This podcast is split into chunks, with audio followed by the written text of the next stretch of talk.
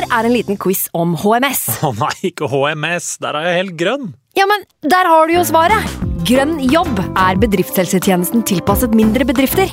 Våre HMS-eksperter hjelper mer enn 8000 bedrifter over hele Norge med alt fra lovpålagte HMS-krav til pålegg fra Arbeidstilsynet.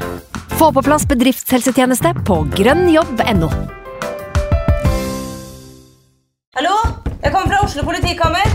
Ine Jansen er purk. Er du purk? The motherfucking bitch. Alt jeg vil, er å finne ut hva som skjedde med mannen min. Jon Carew. Er jeg sikta for noe? Iben Akeli. Det er du. Ole So, Lars Berrum og Big Daddy Karsten. Hvem sin side er du på, egentlig? Anette Hoff, Tone Danielsen, Kommer du fra Afrika?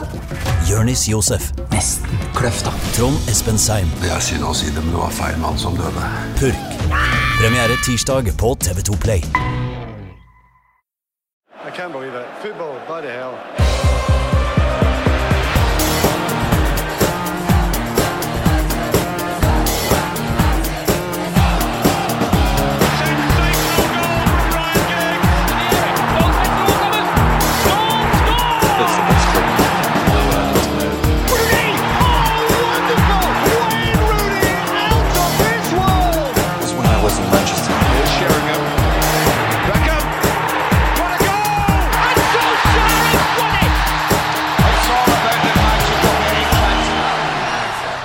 Velkommen til United We Podcast. Eh, United er ute av ligacupen, men det har ikke vært noen sånn spesielt dårlig uke vil jeg si, siden sist vi var her. To kamper vunnet i to ulike cuper, og ikke minst en ny midtbanespiller. I dag så skal vi snakke om kampene mot Tranmere og City, og vi skal også snakke om Bruno Fernandes, selvfølgelig. Men vi skal først og fremst etter hvert bli klokere på det taktiske, for vi har med en som har et meget godt øye for sånt. Mer om det eh, seinere. Foreløpig Sindre Wian, journalist for United.no. Velkommen skal du være. Tusen hjertelig takk. La oss gå gjennom eh, noen eh, ikke så verst FA-cupkamper, eller FA-cup- og ligacupkamper av Manchester United. Du kan begynne med Tranmere-matchen. Sinnssyk bane er det første jeg tenker på.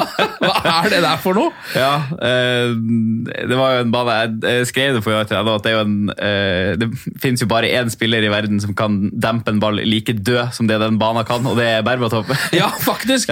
Og det var, jeg synes det var helt komisk, for det er vel ett minutt ute i kampen, eh, og Phil Jones er nede og Ja, ja, ja. i gjørma, ser ut som en femåring som kommer rett fra Ja, lekeplassen. ser jo ikke ut i måneskinn. Det er helt nydelig.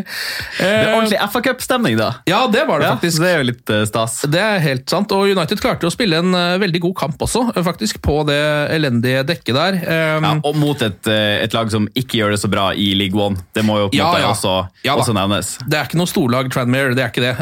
Men det er jo ikke vanlig for oss å se Men det ser mot antatt svakere motstand, og Ja. det er det ikke så ofte vi blir servert. Det er et pluss, bare det. Ja, ja. Og det er ikke så ofte, altså det er, skjer jo ganske mye vilt i denne kampen som vi ikke ser så ofte for Manchester United. For det første så går jo Maguire av en mann og banker den i krysset.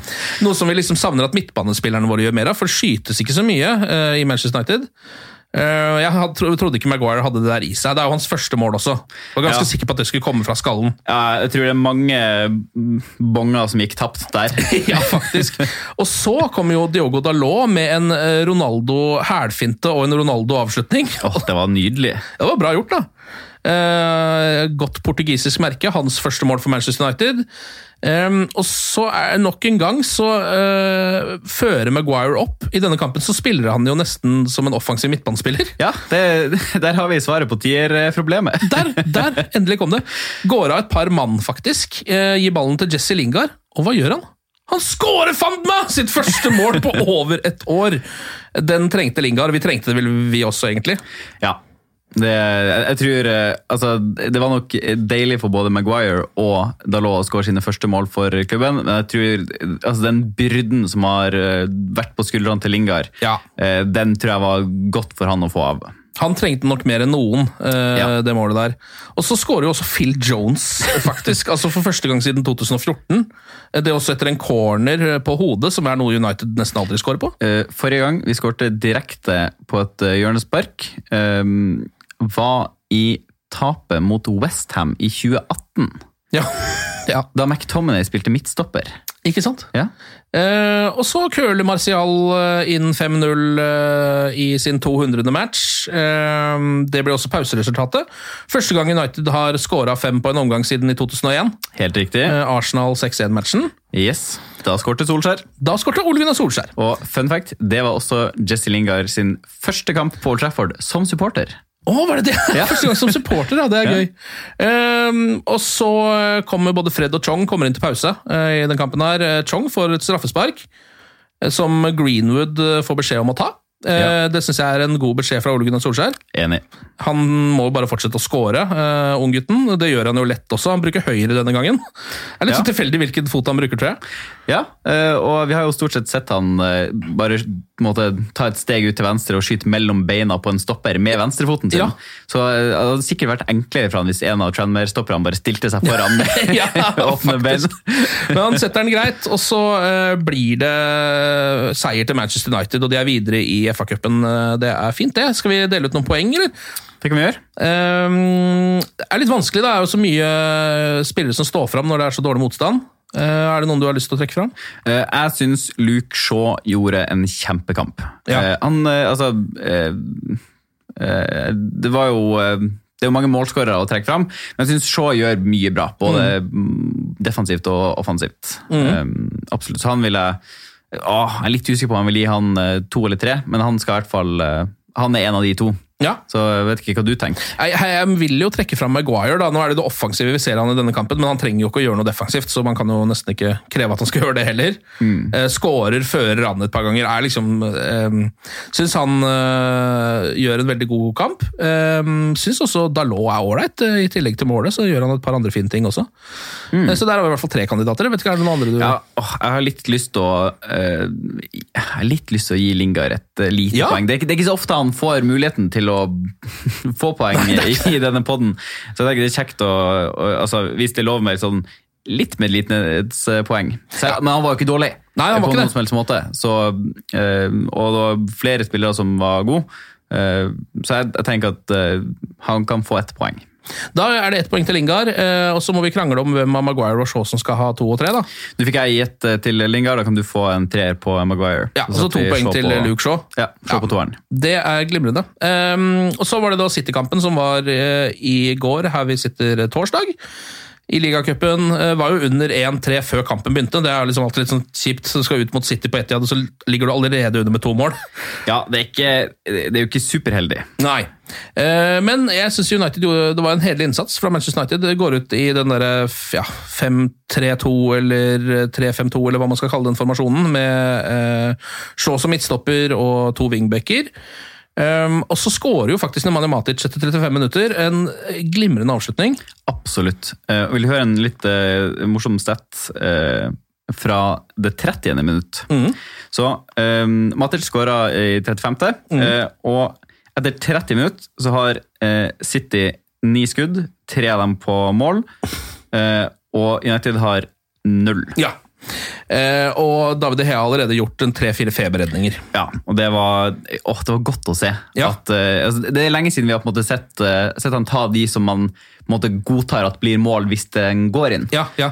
spesielt den fra Aguero. Jeg var litt sånn tilbake til den der, kampen mot Arsenal for Ja. en del år siden, da han bare tok absolutt alt og var helt umenneskelig utpå der. Det var deilig å se. Dave saves litt sånn tilbake. Ja. Får håpe at han liksom er på det nivået nå, for det trenger man jo også mot dårligere motstand etter hvert. Um, jeg, han gjør jo en stor match, David Hea i det hele tatt. Han må jo få all mulig hyllest for. Um, Matic eh, spiller en ålreit kamp, skårer jo det målet, og så blir han jo utvist. Ja, eh, altså Vi skal jo gi karakterer til eh, spillere etter dette. Mm. og Hadde det ikke vært for den utvisninga, så hadde han vært altså, en så klink treer. Ja. I, I hvert fall i min bok. Um, og jeg, jeg syns det er jeg er litt enig med Solskjær at det er strengt med det andre gule kortet, men jeg Ja. forstår det. på en måte. Ja. Han bryter av en, um, en kontringsmulighet. Han trenger ikke det, Nei. for Lindeløf har eh, kontroll, Mm. um, og han er i sikring. Um, så litt sånn svak avgjørelse av en så god spiller i en kamp der han burde vite at han er fryktelig viktig. Ja, Um, ja. jeg er helt enig i det, men han det er litt synd også, fordi det er litt sånn eh, Altså, Han spiller jo en ganske bra kamp, eh, og så kommer liksom Er han jo litt uheldig. Det er liksom vanskelig å skylde helt på han for det også. Eh, Men greit nok, det er jo ikke så altså Han må vel stå over en Premier League-kamp eller en FA-cupkamp pga. dette, må han ikke det? Ligacupen tar, vel- tar, den, går den vid, tar den med seg kortene? Uh, den gjør ikke det inntil finalen, men jeg er usikker på om den gjør det til, uh, til neste kamp. Ja, nå man bli slått ut. Det er jeg faktisk litt usikker på, det må vi sjekke opp uh, seinere. ellers er noen av høydepunktene fra denne kampen er jo eh, først og fremst da Solskjær skjeller ut Lingard eh, Ja. fordi han eh, mister ballen for mye. Eh, og hva er det han roper? Det er et eller annet sånn der Lose the ball one more time and you're fucking off! Skriker han, og så sint har jeg ikke sett Solskjær på lenge. ass. Ja, nei, det er en eh, enkel dag på jobben for leppelesere der ute. Ja. Den der. Nei, eh, Lingard eh, var ikke veldig god mot Nei. City. Eh, eh, av og til så tenker jeg at han på en måte posisjonerer seg greit, men får ikke ballen. Ja. Eh, så han på en måte, men, men de gangene han først får den, så skjer det for lite. Ja, og Man trenger jo kanskje ikke å, dra han noe mer eh, gjennom gjørma. Nå har han eh, fått seg et mål og spilt en dårlig kamp. greit Ja, nok. og fikk, fikk nok gjørme på, eh, Ja. på Tranmere sin på. Tranmere, på drakta mot Tranmere. Men jeg, jeg syns det er veldig deilig å se Solskjær sånn. Fordi man har jo Ja. kanskje syntes han har hatt et litt sånt falskt smil under noen av pressekonferansene sine, og litt, vært litt sånn der 'herregud, mann, hvor er energien din'? Bryr du deg ikke aktig? Nå viste han jo alt engasjementet sitt. Det er så veldig godt Ja. å se for første gang at man ser også den derre uh, jævelen på skulderen hans, da, som sannsynligvis viser seg oftere i garderoben enn det vi ser ute i media, f.eks. Mm. Og, og også, og ja. det, er jo, det er jo en seier på Etiad. Uh, Ja. den, en, den andre denne sesongen. Ja. Uh, og det er vel bare noe Klopp og Mourinho har gjort tidligere. Ja. Eh, så det er på en måte, altså eh, Vi er ute av eh, ligacupen. Eh, det hadde vært kjempekjekt med en eh, finale på Wembley mot eh, Aston Villa. Mm. Eh, men eh, på en måte det å ryke eh, sammenlagt 3-2 mot City eh, over to semifinaler, det er lov. Ja, og denne kampen eh, også, helt sånn separat, er jo, det er ikke en kjempebra United-kamp. City skulle ha vunnet denne kampen, det er det ikke noe tvil om, på en måte. Men de får det jo ikke til, fordi de er jo så ineffektive. Eh, Den ene sjansen de får der hvor Maguire gir ballen til David Silva Ja. på fire meter på åpent mål, og han velger å slå en 45 graders pasning ut! Ja, ja. Det er nesten så jeg har lyst til å drepe David Silva, fordi hvordan fotballhjerne er det du har? Han er jo en av de kløktigste spillerne i verden, så gjør han det der. Ja, Der er det bare for eh, Guardiola å gå ut og kjøpe seg en parykk så han kan rive seg i håret. Faktisk! Det så ut som han prøvde på det på sidelinja der, og det Ja. klikka ganske bra for han. Ja, nei, Han, var, han virka ikke som noen spesielt uh, blid eh, eh, herremann etter kampen. Um, og det kan man jo forstå at de misbrukte ganske mange sjanser. Ja. Eh, og de burde ha punktert den. Ja, de burde Eh, det. absolutt. Men, Det- mange, men det, det som er litt deilig med det, at det er, jeg tror det er mange som da tenker at jo, men pga. resultatet osv. Så, videre, så uh, lar City på en måte United vinne den kampen, men de gjør jo ikke det. Altså, de, uh, de vet jo at United kan skåre på det frisparket de får på slutten. For eksempel. det kan komme et mål når som helst. Det skal Mata ta. Hvorfor tar ikke Mata det frisparket? Nei, eller altså, Pereira også. Har, altså, begge de har jo skåret på frispark eh, med Manchester United. Og Mata nei, det er jo en kanonposisjon for Ja, han. og Fred Nei. har ikke truffet mål ennå. Så jeg, altså der er det, eh, du ser også at Mata blir voldsomt frustrert rett etter at eh, det blir klart at Fred skal ta det. Før han har skutt, så ser du at han står der og bare Hva er det som skjer nå? Ja. Eh, og der er det et eller annet som er litt merkelig. Eh, Solskjær gikk vel ut og sa at de to selv avgjorde dette, hvem som skulle ta denne, dette frisparket. Og Fred hadde vært meget god på trening, og derfor så tok han det. Var det Solskjær sa? Eh, det tror jeg ikke noe på. Fordi når du ser Mata sin reaksjon der, så er det klart at Solskjær har bedt Fred ta det frisparket, Mata vil ta det sjøl. Ja, det, det blir jo veldig spekulativt, men, Ja. men det så jo ikke ut som Mata syns eh, Eller det så ut som han forventa at han skulle ta det. Ja, Ja, eh, det og at han også så bort på benken og var litt sånn Hva er det som skjer her nå? Nå er det helt lekegrind, det er jo jeg som skal ta denne. Ja, ja. Absolutt. Um, og eh, hvis vi beveger oss litt bakover i tid i kampen, da, før dette frisparket, så er det jo en del Åh, Det jeg savner, er overblikk. For det er en del ganger at eh, det ligger noen bredt ut til venstre. Eh, vi kommer oss opp i midtbaneleddet. Jeg syns Fred ofte er flink til å bare dra av seg en mann og passere et ledd når United prøver å spille seg ut. Det er på en måte litt eh, shaky. Et par pasninger. De Gea er med, Maguire er med, en til Lindeløf, og så kommer han opp til Fred. Så stopper han opp og så tar han en, en liten sånn akselerasjonsvending og kommer seg på en måte forbi eh, presset. Eh, og så på en måte enten levere den til uh, en spiller som skal på en måte uh, fortsette å føre spillet forover, eller at han skal prøve å slå den forløsende pasninga. Og da er det ganske mange ganger ganske mange, i hvert fall en to-tre, der jeg syns uh, Kyle Walker er slapp i den defensive jobben, og det er rom på hans side, men man har ikke overblikket til å se det. Um, det irriterte meg litt. Grann. Eh, forhåpentligvis så fikses det til Wolverhampton-kampen med en viss eh, portugiser. Ja, ja, vi får håpe det. Eh, Bruno Fernandes er jo klar for eh, Manchester United. Kommer han til å spille mot Wolves, tror du? Uh, jeg tror, altså Solskjær har jo sagt at han tror det. Eh, og nå er jo reglene uh, slik i Premier League at du må ha registrert en spiller klokka tolv, eller altså ett norsk tid, på formiddagen. Um, siste arbeidsdag før kampen spilles. Ja. Så fredag klokka eh, 13 norsk tid eh, er fristen for å få registrert Fernandes i United-troppen eh, til at han kan være med mot Wolverhampton. Det burde du jo rekke. Det skal være mulig. Han mm. landa jo i Manchester i går. Ja, han gjorde det. Eh, vi skal snakke mer om Bruno Fernandes og hva slags innvirkning han kan ha på Manchester United eh, sitt spill, eh, med Øyvind Eide, som er god på taktikk nå ganske Ja. straks. Det tror jeg blir bra. Det tror jeg kan bli veldig fint, men før det så må vi dele ut noen poeng til Uniteds beste spillere i seieren på Etihad.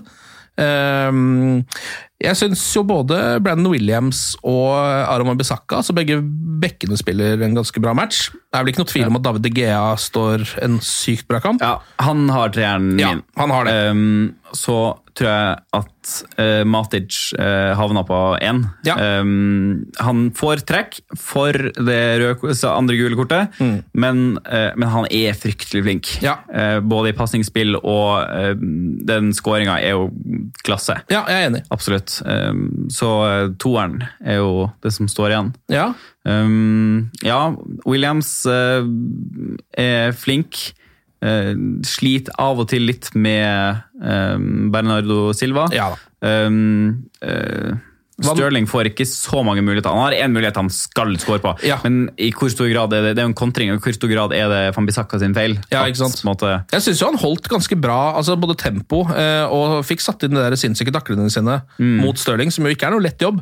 Så, så han spiller en ganske solid kamp, altså. Ja, jeg, jeg, lurer på, eh, jeg lurer på om min toer faktisk går til Fred, selv om han, Ja. selv om han ikke um, eh, Selv om det er lett å ta han for det frisparket han skal sette, Jo da, men så ehm, Eller nei, ikke han skal sette, men som han ender opp med å ta, Mm. eh, så gjør han eh, mye bra før det. Så han får eh, toeren. Ja, men vet du hva, jeg kan være med på det. Mm. det er uansett David Hea som er banens beste, eller i hvert fall Uniteds beste, mot Manchester City. Ok, da tror jeg vi legger bort de kampene og går videre. Ja. Eh, eh, vi må eh, passe på uh, tida litt, for Eide skal komme og snakke taktikk. Mhm. eh, så kan jeg få lov til å bare snakke litt om Bruno Fernandes Ja, gjør. Eh, for den fyren, i den portugisiske ligaen, da tar vi ligakamper, så har han skapt 3,7 sjanser per 90 minutt. Han fyrer av eh, 3,5 skudd per 90 minutt, og han har 0,4 målgivende per 90 minutt. Ja, På sine 134 kamper for Sporting har han 63 skåringer og 42 målgivende pasninger. 105 målpoeng. ja. Eh, siden starten av forrige sesong så har han spilt 63 kamper, 36 mål og 24 målgivende pasninger. Det er 60 målpoeng på de siste 63 kampene i Sporting. ja. Det er øh, lovende. Det er mulig å forstå at Sporting ville ha prisen litt opp. Ja, absolutt. Men jeg må bare si det at jeg eh, begynte å bli redd, fordi man har jo fulgt noen transfervinduer med Manchester United nå. Jeg har blitt litt klok av skade. Ja, og det begynte å se ut som det ikke kom til å skje. Han er på plass. Jeg er fornøyd bare med det. Og de trenger en spiller av hans kaliber i det laget. Han kommer til å sikkert ta litt tid før han blir ordentlig god. Men uansett så trenger de bare beina, liksom. Skjønner du? De, Ja de må bare ha noen. Ja, og han, han løper jo veldig, veldig mye. Ja. Eh, Så han måte, jeg føler at han har, eh, han har det vi liker i Mata, Pereira og Lingard, men han har på en måte alt av det. På en måte Mata har overblikk og pasningsfot, men er litt for treg. Eh, Pereira har intensitet, eh, takla en del eh, slikt, eh, men skaper for lite. Eh, Lingard eh, får masse skryt for presspillet, og at han løper mye uten ball, altså når United ikke har ball. Og det gjør jo Fernandes også. Så jeg, jeg, jeg um, ser for meg at vi nå får en spiller som på en måte er dere, altså de tre tierne vi har brukt denne sesongen sine eh, positive kvaliteter i én. Så jeg har, eh, jeg har store forhåpninger, men eh, på litt altså Jeg forventer ikke at han skal komme inn og være Uniteds beste spiller herfra og ut sesongen. Nei. Um, det at Solskjær altså Annenhver setning Solskjær sier, er jo hvis vi skal hente en spiller, skal det være den riktige spilleren, den riktige spilletypen, den riktige person, langtidsplaner. og det er på en måte uh, så det ligger jo en del press på han for det. Uh, I tillegg til at han er tier. Vi snakka jo nesten bare om at United mangler tiere. Mm. Så det det er mye press. Jeg tror det er flere sportslige problemer i Manchester United enn det bare en Bruno Fernandes kan gjøre. Så jeg måtte, vil oppfordre litt til å, eh, til å forvente, men forvente med måte. Ja. Eh, at man eh, Jeg tror han kommer Jeg er kjempesikker på at han har en positiv um, sportslig effekt på Manchester United denne sesongen her, og neste sesong. Um, men og Vi kommer jo til å snakke litt med Eide også om dette, altså hvilken effekt han kommer til å ha uh, på liksom, kort sikt uh, også. Eh, men ja, jeg tror at han uh, kommer inn med mye bra. Eh, men eh, det, det blir ikke ligagull eh, denne sesongen likevel. Nei, altså det er ikke sånn at det har kommet en frelser. Det tror jeg ikke. Men hvem vet? Hvem vet? Eh, Vi har jo eh, tidligere kjøpt eh, portugisere fra Sporting, og det Ja. har, jo, har jo gått bra tidligere, uten at vi skal liksom ta, ta den sammenligninga helt. Nei, jeg tror ikke vi trenger det. Den sammenligningen kommer til å komme ganske mange ganger, eh, tror jeg. Så den trenger vi ikke å, å begynne med akkurat nå. Nå er det litt stas her, fordi nå har vi fått eh, besøk av eh, Øyvind Eide, sportsdirektør for Norges eh, toppidrettsgymnas, ekspert på taktikk. Driver med kampanalyse for United.no. Velkommen skal du være, Øyvind. Tusen takk. Det betyr jo det at nå blir den siste bolken av denne podkasten Den blir til å dreie seg om det taktiske. Det er jo noe som vi ikke snakker så mye om i denne podkasten, fordi vi ikke har så mye peiling på det. rett og slett. Så Derfor så er det liksom, det er ikke noe vits å drive og skyte i blinde heller. Så Derfor så har vi fått inn Øyvind, eh, Øyvind nå for å ta tak i de litt eh, større spørsmålene når det kommer til taktikk. Jeg tenker Vi kan starte med et spørsmål som vi har fått inn på sosiale medier. og Det er egentlig ganske sånn uh, overordna, alt som foregår ute på banen. Martin Haugsnes eh, lurer på eh, kan du gi noen forklaring på hva Ole Gunnar Solskjær prøver på mot etablert forsvar, er det han først og fremst lurer på. da. Hva er liksom planen til Solskjær? Ja, det er jo et spørsmål jeg har fått eh, ganske mange ganger, egentlig. Eh, og innimellom så må jeg også stille meg sjøl det spørsmålet. Hva, hva nøyaktig er det vi egentlig prøver på her? Eh, så å gi noe sånn veldig godt svar på det, eh, da må jeg dessverre skuffe, skuffe folk, tror jeg. For det, det har jeg ikke. Men Nei, så du, har ikke se, du, du ser ikke den klare tanken bak det, du heller? Jo, det er, det, er, noen rammer som er lagt, men jeg, jeg kan ikke si med stor sikkerhet at dette her er det United prøver på. Nei. eh, På generelt grunnlag. Eh, referanse til kampen mot Manchester City nå på, på onsdag, så, så ser vi et City-lag som har klare, tydelige retningslinjer i sitt angrepsspill. Eh, United har ikke det samme, men de har det i noen faser i spillet sitt. F.eks. på overgangsspill så er de jo ganske klare på hva de ønsker. Det så vi også mot, eh, mot City igjen, at de, de ville jo angripe mye diagonalt på kontring. Det vil si at de kontrer først ut av presset, og så enten til venstre eller høyre. For der var det jo mye siderom.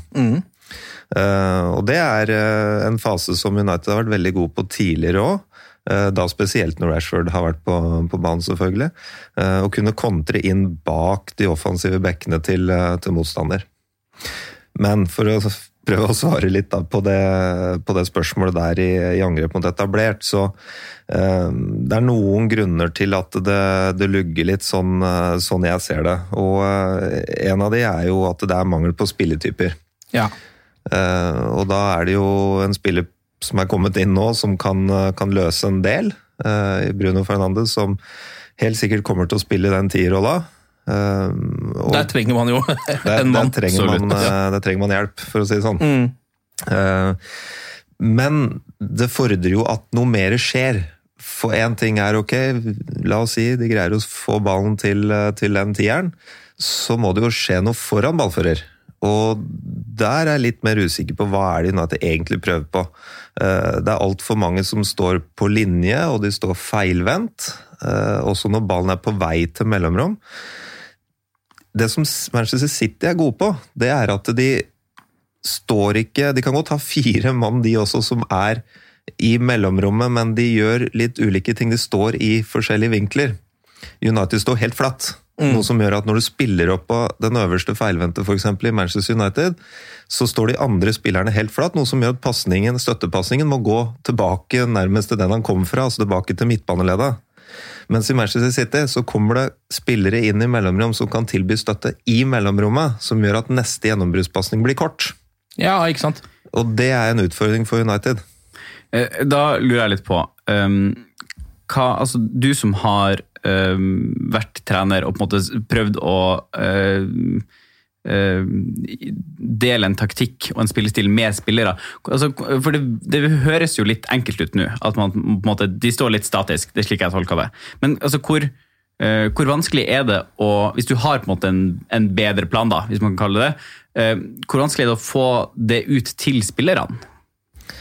Eh, Det jo er- kommer veldig an på spillergruppa. Eh, Hvis vi igjen skal bruke referansen eh, City og United, så City har jo en mer erfaren spillergruppe. Bedre spillere, vil jeg også si, spiller for spiller, ja. i veldig mange posisjoner. Som gjør at det er jo enklere å få en sånn gruppe til å gjøre noe, enn kanskje uerfarne spillere. Men det jeg stusser litt over, det er jo sånn som bruken av Martial, f.eks. Den kampen nå sist, hvor han eh, hvor mange meter dekker han egentlig eh, i høy fart, kontra det som kun Aguero gjør? Som truer bakrom hele tida er et uromoment, ikke sant? mens Martial han mer eller mindre jogger Ja. eh, og finner komfortable posisjoner. Og han ser jo, han ser jo sløv ut, egentlig, i, eh, i den kampen der. Han har gjort det i flere kamper i det siste. Ikke sant? Og får en del kritikk for, Ja. for det også.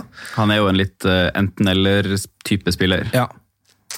Ikke sant? Eh, Men hvis vi da går på for eksempel City, eller laget til Pep Guardiola, da, sånn som han har hatt i Bayern München, Barcelona, City, så er det tydelige retningslinjer. For eksempel, det skal alltid trues bakrom etter en støttepasning eller ved rettvendt ballfører.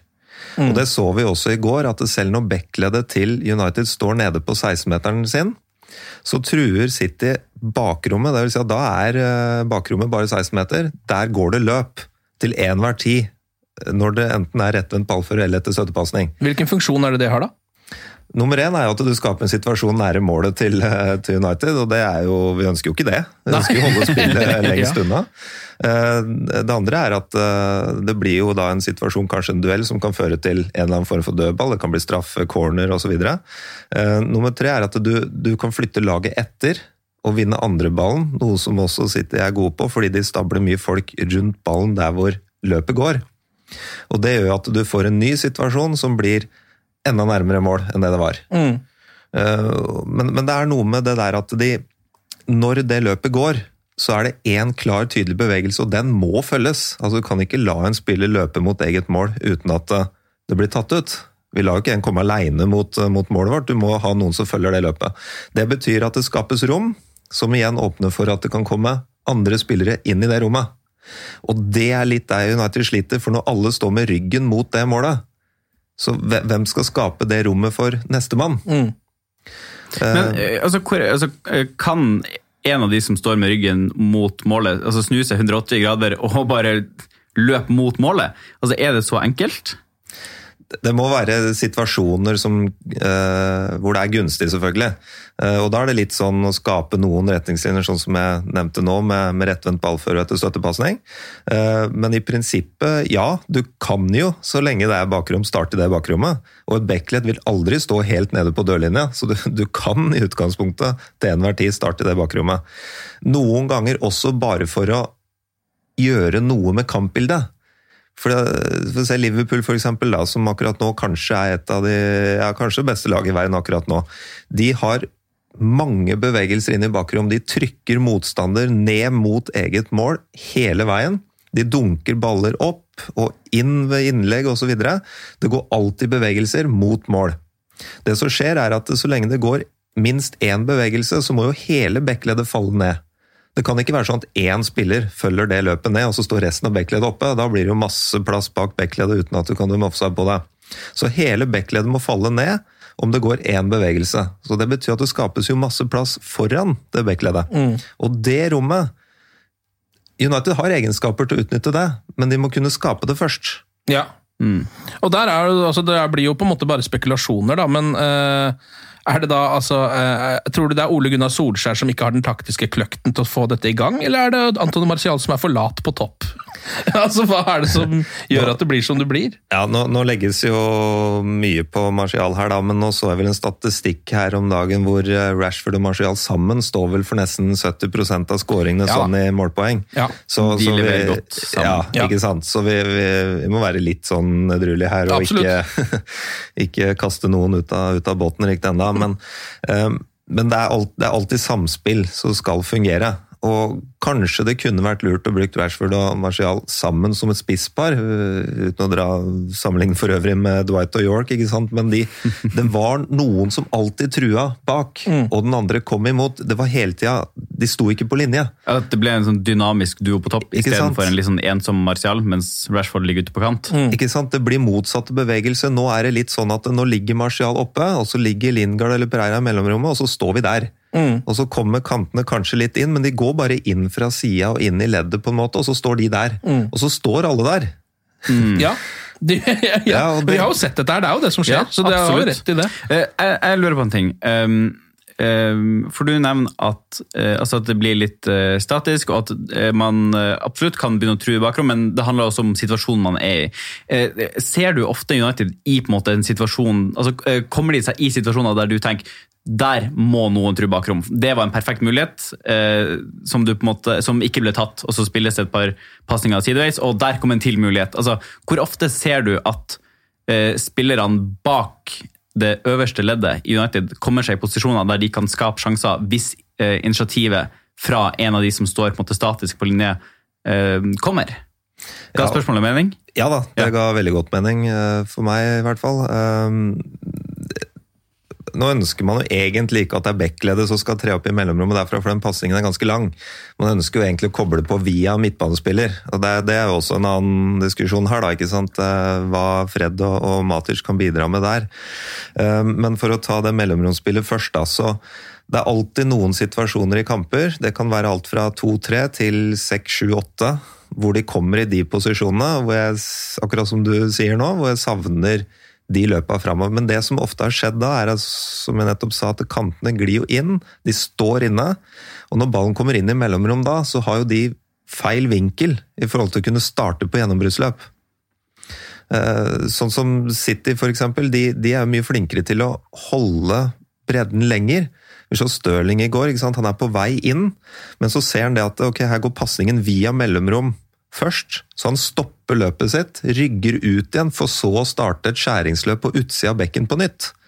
Mens der hvor James og Rashford da bare går inn, så står de der inne og har dårlig vinkel. Og så fordrer at bekken da kommer på utsida, og det er ikke alltid du kan ha en bekk som er gjennombruddsspiller.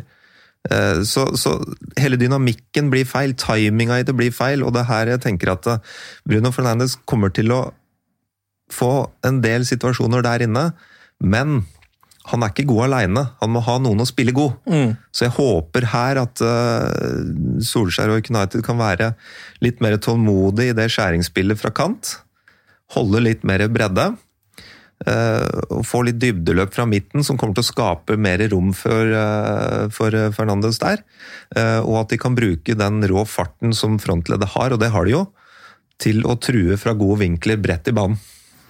Ja, bare, har du sett noen eh, fra Solskjær tok over? Han har jo sittet der et års tid nå. Har det vært noen utvikling på dette i det hele tatt? På hans plan rent offensivt? Mot et etablert forsvar? Eh, Farlig spørsmål. Du, du, du, bare, vi kan jo, En liten uh, merknad er jo at før du kom hit, Øyvind, så spurte du jo hvor ærlig skal jeg være. Dette er jo tross alt en supporterpod for Manchester United, men du har altså uh, fått full, fullt fritak i dag. Du skal være så ærlig du bare kan. Vi må, vi må i hvert fall vite hva som er sannheten uh, før vi kan begynne å gjøre noe med det. Ja, og det, det er helt riktig. Um, og det, jeg, jeg, er, jeg er litt sånn jeg, jeg savner jo en del ting, vi har vært inne på det nå. Jeg savner samtidighet. Jeg savner at uh, man truer flere rom samtidig. Jeg savner at ballen går hurtigere fram i banen. Uh, litt sånn type ting. Men det, det, det, som, det, som, er gjenganger her, da, det er veldig ofte at kantene går inn for tidlig, og så spilles ball ut til bekk. Bekkene som er kommet delvis høyt. Men hvis vi snur litt på flisa her nå og ser at vi er et forsvarslag og skal forsvare oss mot Manchester United, så er det egentlig la bekkene få ball og led spillet ut. Ja. Fordi det er nesten... Og De har jo ikke de beste innleggsbekkene i verden, heller Manchester United. Nei. Altså Det er jo ikke Robertson og Arnold ute på sidene der. Det er det på ingen måte. Og det er jo nesten ingen som tror bakrom, og alle står i mellomrom. Så hvis du leder det spillet ut mot sidelinja, så kan du drepe mye av det etablerte spillet til Manchester United. Og det er jo litt av det vi ser også, som de svakere laga gjør. Mm. Eh, de stenger rom sentralt, for de veit at United kommer til å gå inn der og stelle seg der. Ja, ikke sant? Så det er enkelt å forsvare seg mot, da, rett og slett? Ja, det er, akkurat i den fasen så er det relativt enkelt. Og da vil jo noen lure på jo, men City var også i etablert forsvar i går, hvorfor funka det bedre da? Jo, fordi uh, City de forsvarer seg på en sånn måte som gjør at de konsentrerer ekstremt sterkt rundt ballfører. De flytter mange spillere rundt ball. Eh, de kan bruke fem spillere for å prøve å skjære av ballbanen inn i, inn i visse rom som gjør at får du vendt det spillet ut av det presset, så får du masse rom å spille i. Altså City er ikke verdens beste lag i etablert forsvar. De er ekstremt gode på noen ting, men de har også store mangler. Mm. Og Derav så kan det være enklere å spille mot type lag som City av og til, fordi mest sannsynlig så får du mer rom å spille når du sjøl har ballen. Ja, Nå er du inne på noe som Olav Stenerud spør om, så hvorfor sliter United så ofte med å skape sjanser, spesielt mot svakere lag? Det er jo du var inne på nå, at det kanskje kan være lettere mot City enn det er mot Burnley noen ganger? Ja, det er jo den ene dimensjonen, og den andre er jo at uh, mot gode lag så har antageligvis det andre laget ballen ofte. Ja. Som gjør at eh, United kan uh, kontrollere rom, få gode brudd og gå på kontringer. Ja, Det er det de er best på. Det, og det er de jo ganske gode på. Mm. Altså, det kan vi jo se flere, flere kamper der, selvfølgelig. Så uh, det, det, skal de også ha litt skryt for, uh, for High United òg, da. Ja, ikke sant. Um, jeg lurer på om vi skal, altså Nå har vi jo snakka mye om det offensive, uh, spesielt mot etablert. Vi har snakka litt om angrepsspillet til United, som vel er en av de tingene ved spillere som fungerer. Jeg tenkte kanskje vi skulle gå litt på det defensive, hvis ikke det er noe du vil si, Sindre? Jeg, jeg lurer på én ting til før vi går ja? på det. Altså, um, um, jeg har lest en del av disse taktiske analysene du gjør for United. Nå syns uh, de er veldig bra, uh, men en ting jeg føler også går igjen, er uh, setninga uh, United klarer ikke å utnytte mellomrommet. Og Det har vi også vært litt inne på nå. Og altså, vil jeg, altså, Mangler vi uh, spillerne som finner på en måte, riktig posisjon i mellomrommet, eller mangler vi spillerne som kan finne spilleren som, ligger er mellomrommet. i mellomrommet. Ja, der vi, altså de spillertypen. Ja, uh, svaret er i fotball så er stort sett svaret ja, begge deler. Ja. Uh, det er spilltyper og det er uh, samhandling, og det ligger, det ligger, på flere nivåer. Men det, hvis vi kan tenke litt tilbake til Liverpool-kampen, da, så det var litt interessant å se hvordan Liverpool presser i den kampen. For da spilte United med Fred og Matic sentralt i banen. Fred er en fantastisk fyr som jeg gjerne vil ha med meg i krigen. Ja. Men å la han være hovmester, det er ikke sikkert jeg har lyst til at den skal være. Nei. Matic er jo den spilleren da i så fall som må ta det ansvaret i forhold til å spille framover i banen og vende spillet. Så det Liverpool gjorde i den kampen, var jo at de la ikke så veldig hardt press på Fred. Eh, det var ikke det at de lot den ha ballen heller, men de, de var litt mer sånn da skjermer vi bare. Mens når Matic fikk ballen, så leda de spillet ut til ene sida, sånn at han aldri fikk slått noen crosspasninger mot Liverpool. Mm. Uh, og der er jeg litt inne på eh, det som jeg kanskje prøver å svare på med den utgreiinga her. At uh, ja, det handler om spilletyper, men det er et motspill òg som selvfølgelig har analysert United, og veit det at ok, hvis det blir noe hvis det blir en spillfordeler mot, mot, oss her, så kommer det til å være Matic i den kampen her. Mm. Og da vil justere presset sitt i forhold til det. Og hvis det bare blir én spiller som kan ta det ansvaret, så er det forholdsvis lett å, å ta ut. Ja. Tror du at um eh, altså, eller Hvor stor effekt kan det ha når um, altså Pogba kommer tilbake fra skade, McTomney kommer tilbake fra skade, og en Bruno Fernandes kan eh, på en måte også supplere denne midtbanen? Altså, ja, altså, hvordan tolker du den effekten det kan ha? Eh, du kan eh, nesten svare litt på det sjøl hvis du bruker en midtbanetrer med de tre. Mm. så tror jeg du tenker at det vil gitt laget en annen dimensjon. Til tross for måte, statiske spillere foran dem. Ja, fordi eh, med, med, med den trioen så ville jeg spilt med, med 4-3-3. Eh, og det er litt med at eh, da tvinger du kanten i større grad å være breiere. Og du kan ha to indreløpere som i større grad kan gå på dybdeløp. Da får du løp fra midten som kan løpe inn i bakrom. Eh, og det vil jo bryte opp et forsvarsledd. Og det vil kanskje gjøre at de andre også kobler seg litt mer på, for de ser at her blir det rom. Uh, og du kan ha en James som ligger breit i banen og kan ligge og jage på stikkere igjennom der. Uh, så, så, det vil skape en helt annen dynamikk, og det er det jeg savner litt med, med Pogba òg, når han spiller. At uh, få han høyt nok i banen så han kan gå på en del sånne løp. For det, hvis, hvis, du får han inn på innlegg, dybdeløp igjennom, han er stor, sterk, brukbar fart.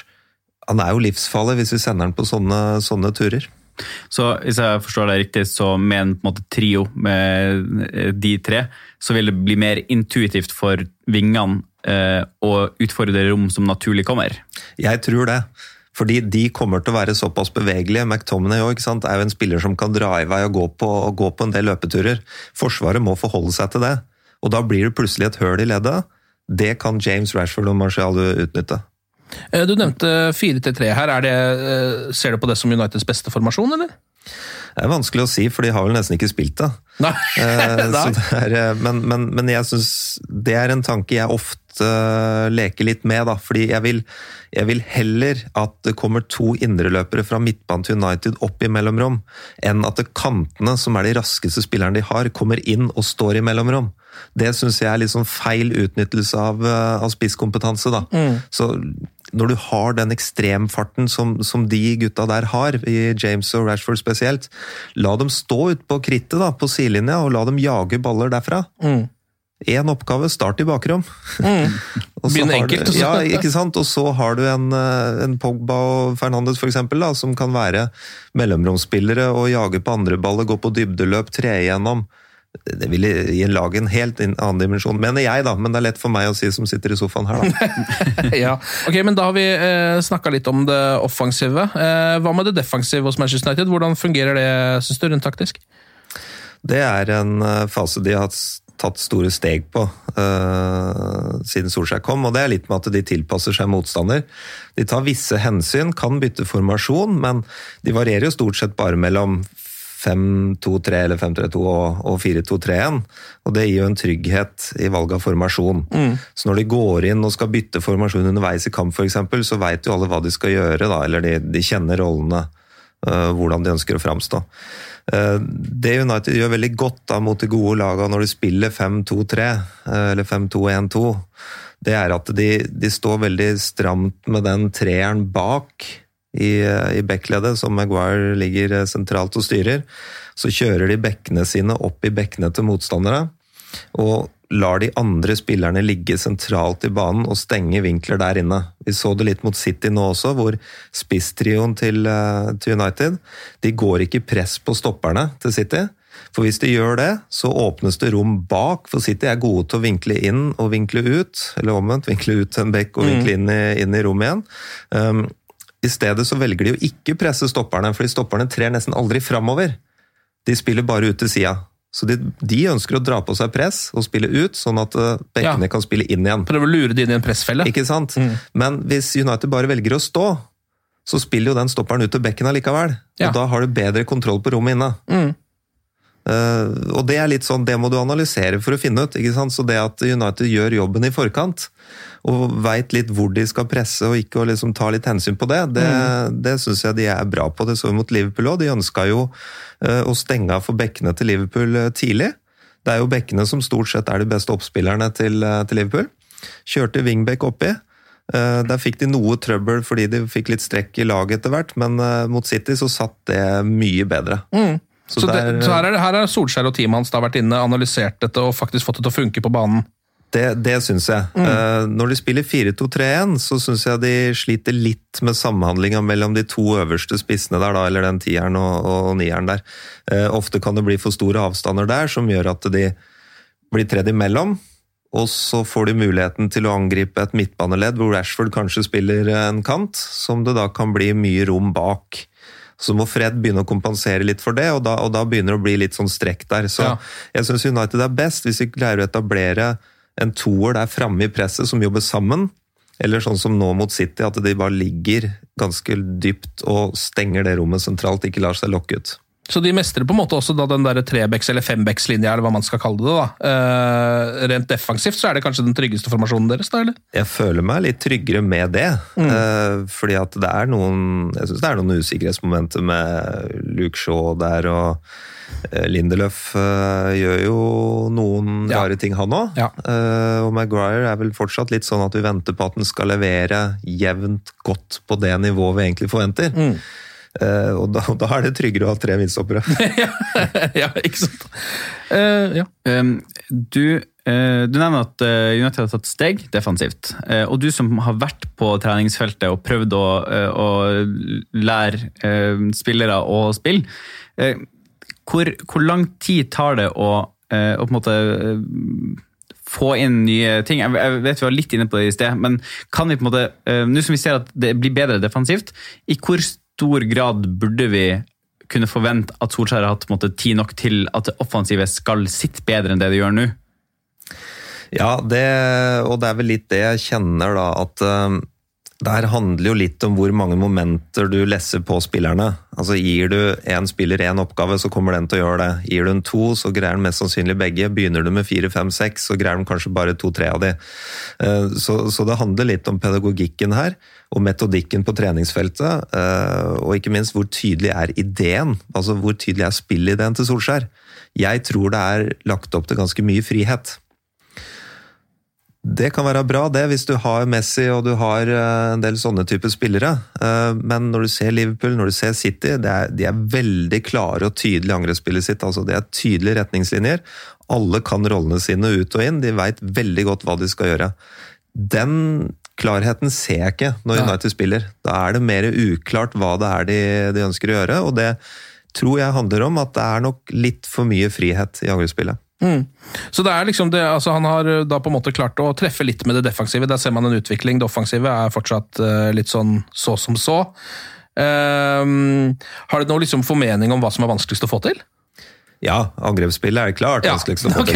Nå hadde jeg håpet du skulle si det motsatte, men det Nei, det er, men det, det er litt logisk òg. Ja. Det er jo det vanskeligste i fotball er å skåre mål. Ja. Uh, og det Men, men eh, for å trekke parallell på noe, så, så Vi husker jo Nils Arne Eggen, alle som, uh, som er i Norge her. Vi har jo opplevd han på et eller annet nivå. og han sa jo at uh, Rosenborg spilte alltid best når de begynte å komme ut mot mai-juni, dvs. Si nesten et halvt år ut i sesongen. Uh, Arsen Wenger ble jo også sitert i et intervju at han sa det tar ca. seks måneder før spillestilen sitter. Ja. Um, og det, det kan jeg kjenne meg litt igjen i, at det tar tid. Men det er klart, nå begynner vi å snakke om en periode som er gått på over et år. Mm. Um, spora er jo der etter Altså stempelet til Solskjær er jo der, men stempelet er sånn jeg ser det. Mye frihet. Og det skaper litt usikkerhet i den gruppa. Det er sånn jeg ser det. altså. Det er litt enklere når de kan la motstander ha ball, ødelegge for dem og kontre, for da er romma mye tydeligere. Det er, fri, det er frihet på overgangsspill òg, men det er klart når det er en bekk ute hos motstander, og det er stort høl der sånn, så veit jo alle de spillerne at da angriper vi der. Det, det forstår man jo. Men når laga ligger i ja, 5-4-1 og skal forsvare seg veldig lavt, og United kommer dit og skal angripe det, så er det ikke like klart og tydelig hvor rommene er. Og der syns jeg vi ser en forskjell da, på de absolutt beste lagene i verden nå. De har en klar og tydelig struktur og plan på det. Den savner jeg hos, hos United. Eh, Men eh, hvis vi skal se litt på altså dette her, eh, jeg tror De fleste United-supportere er jo klar over at dette her er et slags sånn puslespill som fortsatt mangler en del brikker. Eh, Brikker som ikke finnes i klubben nå, som må eh, kjøpes inn, rett og slett. Altså, det er jo eh, Og har et par brikker som ikke passer helt. Ja, og et par brikker som vi kanskje må hive. ikke sant? Så det er litt sånn, Men det er jo et eh, lag som skal bygges her. Eh, Er det noen spillertyper du tenker liksom kan komme inn og forandre dette og gjøre det bedre? Ja, og, og så tror jeg det er litt viktig å gi uh, honnør til Solskjær her òg. Fordi at han, han har fått et mandat fra styret, sånn jeg vurderer det, Ja. til å fornye gruppa her. Ja. Uh, og han, han viker ikke fra det. Han er knallhard altså, i forhold til den linja. Jeg kan ikke si med hånda på hjertet at jeg hadde turt å gjøre det samme. Nei. Jeg hadde Nei. mest sannsynlig hatt en eller annen panikkløsning nå og henta noe, noen spillere som kanskje ikke passer inn i den langsiktige planen. Mm. Og det er veldig fort gjort for eh, supportere sikkert å tenke det, men hvis man setter seg litt inn i skoa til Solskjær, dette her er bestillinga fra, fra styret, ehm, og han jobber knallhardt med det og er dønn lojal i forhold til den planen. Og det syns jeg vi skal gi honnør for, altså, for det er en vrien situasjon. Ja, og det krever jo også litt baller å eksempel bare kitte ut Lukaku, som man jo ser nå, eh, og man så det i United og hvilke kvaliteter han har, og så ikke hente noen, fordi det er liksom planen, da. Det følger de strategiske linjene. Så jeg er enig i det, det, det krever litt baller det, men eh, hva tenker du at det liksom kan forbedre dette laget? Altså Hva slags type er det? Ikke, trenger ikke å nevne noe, det er ikke så interessant å kanskje name-droppe en masse spillere, men liksom hva slags spillertyper, da? Ja, og, og da må man jo også prøve å se litt inn i glasskula hvilke spillere som kommer til å utvikle seg til å bli virkelig gode. Ja. Sånn at vi ikke bytter ut noen som, eh, som har potensial til å bli gode. Nei, altså, vi, vi har jo to spillere jeg er veldig usikre på som har eh, bekledd tierrolla der. Det er jo eh, Anders Bereira og, og Lingard. Ja. Der er det klare mangler. Ja. Lingard er ikke god nok i Nei. det hele tatt, dessverre. Og Det er jo ikke Andreas Pereira heller. Han, Nei har, noen, han har litt flere kvaliteter, men uh, han har litt flere kvaliteter og er vel også yngre. ja. Og kan selvfølgelig utvikle seg mer, men, men han nå kommer ikke til å ta det siste steget, tror jeg, som et lag som United bør kreve, da. Så der er det jo kommet inn en uh, Fernandes nå, tenker jeg, som, eh, som kommer til å styrke laget eh, veldig mye. ja, Du tror det er et bra kjøp, eller? Sånn uten at man klarer å spå noe, men rent sånn tar hvis du bare ser på det taktiske? Ja, eh, men som vi innleda litt med, det, det fordrer at de andre byr på litt mer enn det de Ja. har gjort i en del kamper. Altså. De, han, han må også spille sko, han må ha noen å spille igjennom. Ja, så det, det, det blir en samhandlingsbit her uansett. Eh, og så er det, jo, eh, er det jo de to midtbanespillerne. Eh, hva slags spilletyper ønsker han å ha der? Eh, nå vet vi også Ferguson eh, balanserte jo ofte midtbanen med en slags type kriger, da, for å kalle det det, med Nikki Butt og Roy Keane og Ja. litt sånne ting.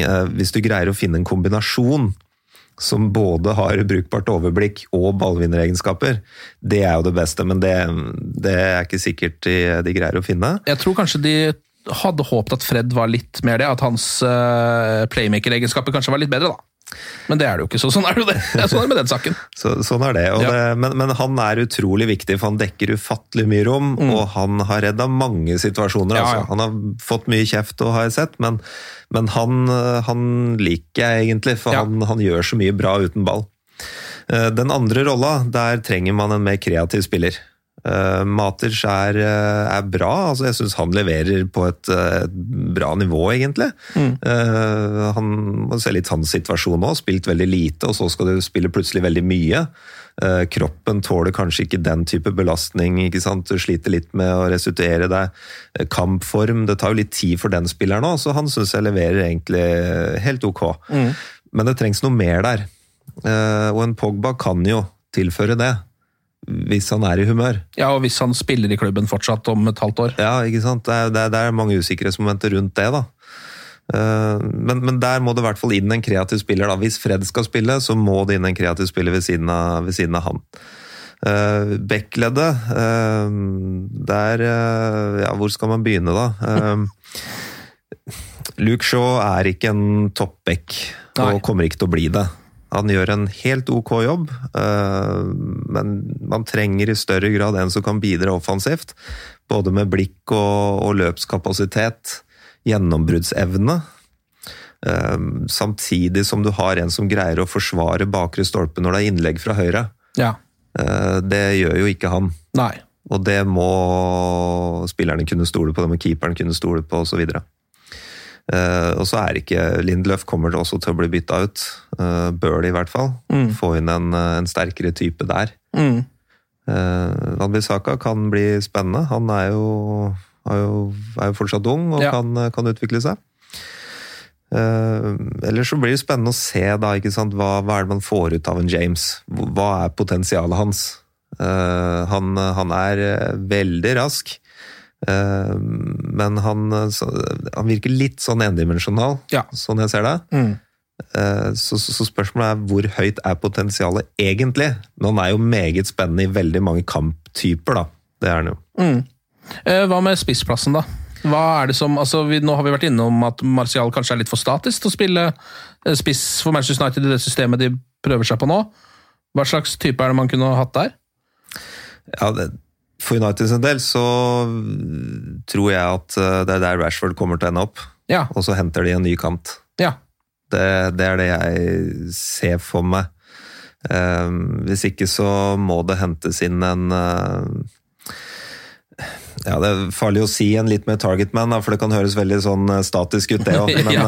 eh, men, men, eh, men det er ikke så dumt å ha litt flere strenger å spille på. da. Altså, det vi ser også nå, er at når, når Solskjær skal gjøre endringer i kampen, så har han jo egentlig ikke noe å sette innpå.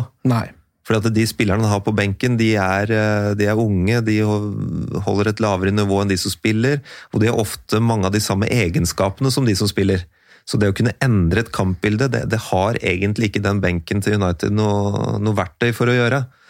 Eh, Så, så, så ikke bare styrke elveren, men også kunne hente inn noen som kan komplementere det de har, da, og derav kanskje en, en, en target man, fordi det kan, det kan eh, gjøre noe i kamper som nevnt i stad. Lag ligger lavt i 5-4-1. Kanskje du skal slå noen innlegg, da. Mm.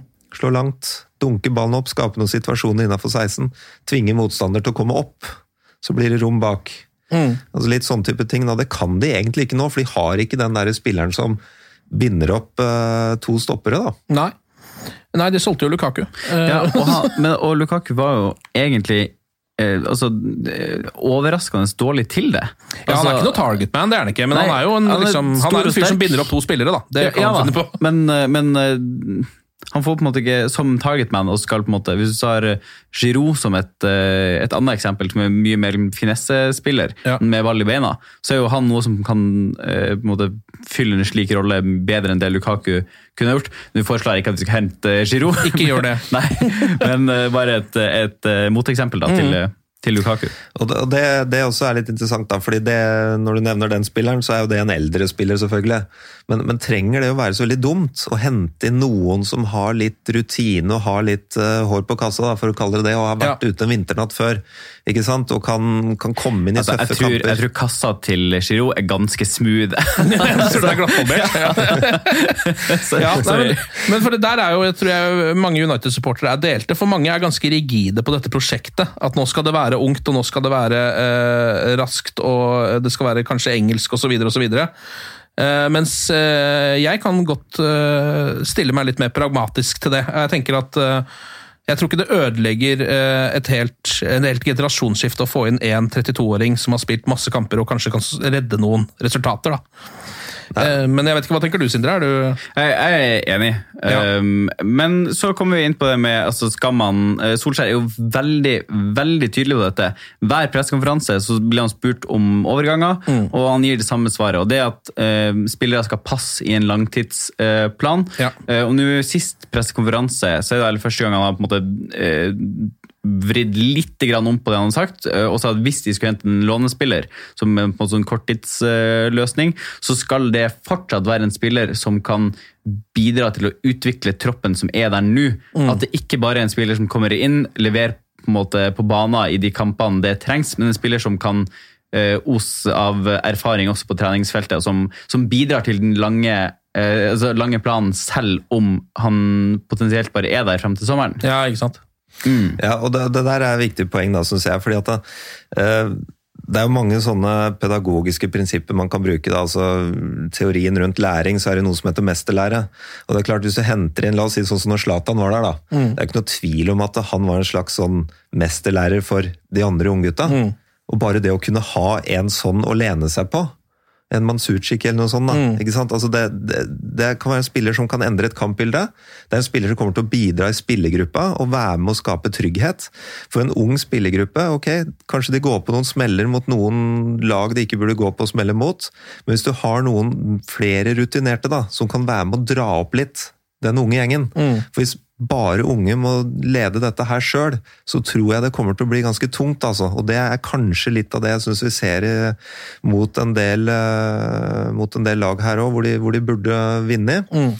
Så, så er det fordi at det, det er ikke noe rutine der ute som kan på en måte samle litt, og nå gjør vi det her. Altså sette tempo i kampen, da, ikke sant? Eller endre tempo i kampen. Eh, så, så jeg, jeg, tenker ikke at det trenger å forpurre noen plan, at det kommer en som har litt uh, vintre bak seg, da. Ja. Det, det, tror jeg bare ville skapt mer trygghet, og ville gjort at gruppa blomstrer mer. Eh, du var så vidt inne på at Solskjær kanskje ikke har helt verktøyene rett og slett i kassa si til å kunne endre kampbilder uh, som han vil, men hva syns du om de taktiske tingene han foretar seg underveis i match? Ja, vi, vi, ser jo mer av det på det defensive enn det offensive. Ja. Og det er jo litt fordi at defensivt så er det jo mye klarere strukturert, det er tydelige arbeidsoppgaver, rollene er godt fordelt, vi veit hvem som skal sikre bekken, hvem som skal dekke rommet bak Rashford osv. Um, men i det offensive så, så, er det selvfølgelig én ting. Verktøy kan deles i to. Det, det er spillemateriale, og det er trenerens hjerne. Ja, ja, absolutt. og, og spillemateriale er én ting. Det, ok, det er ikke sikkert du kan endre noe, noe kampbilde med det du har. Ehm, men så går det på å lese det motspillet som er der, og kunne vite litt hva er det som gjør at vi klarer å spille ut det laget her. Jeg syns vi så litt mot City-kampen, at de, City kjører jo den kampen i starten. Uh, og så vet jeg ikke om det kommer noe beskjed, jeg, jeg tipper jo at de mest sannsynlig gjør det, men de begynner da å spille over det første gjenvinningspresset til City. Ja. Blir veldig konsentrerte på det, vinner ballen høyt, kommer med mange folk. Hvis de greier å spille seg ut av det, så én, intensiteten til City drepes. To, det er masse rom til å kontre diagonalt motsatt av der de vant ballen. Og akkurat de fasene der sånn opplever jeg at eh, Solskjær er god på å lese. Men, men det er det der når når det, ligger bare et lag helt nede på 16, ja. når, når rommet egentlig ikke er der. Og de ligger under 1-0, på en måte. For, for eksempel. Da, da, er det litt tynt å bare kaste inn på en spiller. Eller en kant for en kant, eller en spiss for en spiss, ja. og, og, liksom Ja, vi får opp pasningstempo. Altså, Pasningstempo er ikke noe Ja, men hvor skal de spille det pasningstempoet? Det, det, må være mye mer konkret, da. Hva nøyaktig er det vi ønsker å gjøre her? Mm. Um, og, og, og, og, der tror jeg det handler litt om at hadde du hatt en type targetman, en som kan bryte og bryte med fullstendig, så kan du slå langt opp på en spiller langt innafor 16. Det laget kommer til å slutte å rygge, det laget kommer til å stå opp, for de vil jo ikke ha situasjoner innafor 16. Men så lenge United står med ryggen mot målet til motstander, bare triller korte pasninger, spiller ball rundt, så ligger de laga veldig godt eh, etablert, altså. Hvis du um, fikk gjort én endring på Manchester United, uh, og da er det enten inn med spillertype, eller endre en taktikk, eller, eller formasjon altså, Du får gjøre én ting for å forbedre laget. Hva vil du gjøre? Spill 4-3-3. Ja. ja, og det er rett og slett fordi det som du sa i stad, jeg tror det, det, skaper så mye dynamikk eh, med bevegelse fra midten at frontleddet ville intuitivt sett det i større grad. Hva, hva blir oppgava mi her nå? Eh, og det er, det er, mye tydeligere roller også. I 433 så er det veldig sånn rollekrav eh, for å løse det enn det det er f.eks. i 442-423-1. Hvor det er en tydelig wingspiller, tydelig indreløper som i større grad er enklere å forholde seg til. Og det, det, tror jeg den gjengen her trenger. At de, de, må ha litt mer trygghet rett og slett, i det som skjer fram, og, fram i banen. Mm. Um, hvis vi skal eh, se litt tilbake på de managere som har vært eh, før Ole Gunnar Solskjær. Um, hva er det som er forskjellig nå rent taktisk fra La oss ta José Mourinho, da, siden det var han han tok over for? Ja, det Det er sikkert en del, men Ja, det, det, er jo det, men, men, der er det jo så mange ting inne i bildet som, som er vanskelig å si noe om, fordi at uh, humøret i spillergruppa osv. Vi så en Mourinho som etter hvert ble ganske sånn ja, er grinebiter vi kaller det. ikke sant? Ja. Så det er jo litt sånn, Og det, og det skuffa meg litt, da, for jeg, eh, jeg, har jo fulgt han gjennom noen år og vært veldig sånn fascinert av hva han har fått til. ikke sant? Han har jo vunnet serie i flere forskjellige land. Og, uh, men uh, Så det, det ble jeg skuffa at det var sånn det skulle ende. For han ja. hadde jeg tro på at nå, nå blir det orden i sysakene her. Ja, Så så det så bra ut også en periode. Ja, ikke sant? Og så, og så ender det bare med at han ser paranoid ut, og, og jeg vet ikke hva han holdt på på med der til slutt. ikke sant? Så, så, der er det mange sånne ting. Samtidig så, så hadde vel Jeg opplevde at det var litt mer sånn tyngde i laget hans. Um, Jeg tenker ofte på laget hans, og ser jeg ofte for meg Matic. da. Ja. Litt tungt lag, litt sånn småtreigt lag. Det er litt sånn sirumpa. Ja. Uh, mens nå er det mye mer lettbeint. Du har kvikke spillere, Uh, og det kommer spesielt til uttrykk i overgangsspillet og forsvarsspillet til United. da. Eh, I etablert så er det egentlig sånn Har det ikke kommet noe vesentlig videre, syns jeg. Nei. Mourinho var ikke den, spille, den treneren som hadde en sånn klar og tydelig plan, annet enn at han flytta opp stor, sterk spiss og slo mye langt på den. Eh, ja, så det, det, det er, men men det, det er først og fremst det som foregår rundt med kulturen, og sånn som Solskjær egentlig har påpekt òg, som jeg tror er kanskje den største forskjellen. Ja. Så det er en, eh, ja, der har det vært en positiv utvikling, vil jeg håpe. Det ser sånn ut. Ja, ser sånn ut. Jeg, jeg tror nok også det, for jeg tror Solskjær er flink til å Flink på man management, da. Ja. Og, og, skape litt sånn god stemning blant spillerne. Det tror jeg. Jeg vet ikke, Øyvind, Hvis ikke det er noe mer du vil eh, tillegge som vi ikke har fått snakka om? Vi har fått snakka en del taktikk nå. Ja, det Jeg, jeg håper da det. Ja. jeg er blitt, blitt fornøyd. da. Det er ikke noe vi har oversett, eller? Det er det garantert. Ja. Og, det, det, og det er litt sånn når, eh, når jeg gjør disse her analysene for United.no, så er det jo det er umulig å gjøre en fullstendig kampanalyse, Ja. for det er jo mye mer omfattende. Så jeg, jeg prøver jo å holde det på et litt sånt ja, Jeg vil ikke si lavterskelnivå, men i hvert fall litt sånn nivå hvor det er veldig forståelig. Og det håper jeg det har vært her og da. Ja, det har det, altså. Eh, Du kan lese flere av Øyvinds analyser altså, på united.no. Tusen takk for eh, besøket eh, både til Sindre og til Øyvind. Tusen takk. Glory, glory.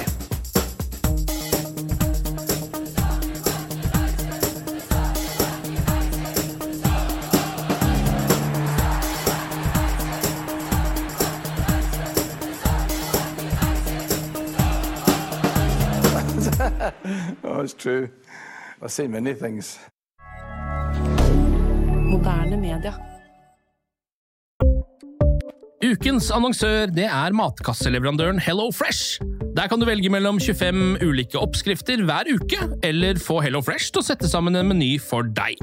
Jeg sparer tid på å handle, oppskriftene er veldig enkle å lage, og så får jeg akkurat det jeg trenger da, til hver eneste rett, så jeg slipper å kaste så mye mat som jeg vanligvis gjør. Det er også litt deilig å faktisk slippe å gå på butikken, ikke bare fordi det er tidkrevende og sånn, men fordi man ender opp med å kjøpe så mye greier som man egentlig ikke trenger, sånn som fire poser eh, Smash og en kick med havsalt, eksempel. Det er ikke det du egentlig er der for, du er der for å kjøpe, kjøpe middag. Så det er en veldig eh, kjekk ting. I tillegg så er det jo eh, ferdigporsjonerte ingredienser, det blir mindre matsvinn, og du betaler bare for det du faktisk trenger, og det du faktisk da spiser. I tillegg så blir det da levert på døra til et eh, fastsatt tidspunkt, sånn at du kan få det akkurat når det passer for deg eh, sjæl. Hvis Hello Fresh høres ut som noe for deg, så har jeg en rabattkode du kan bruke også. Gå inn på hellofresh.no og bruk koden HelloUnited24.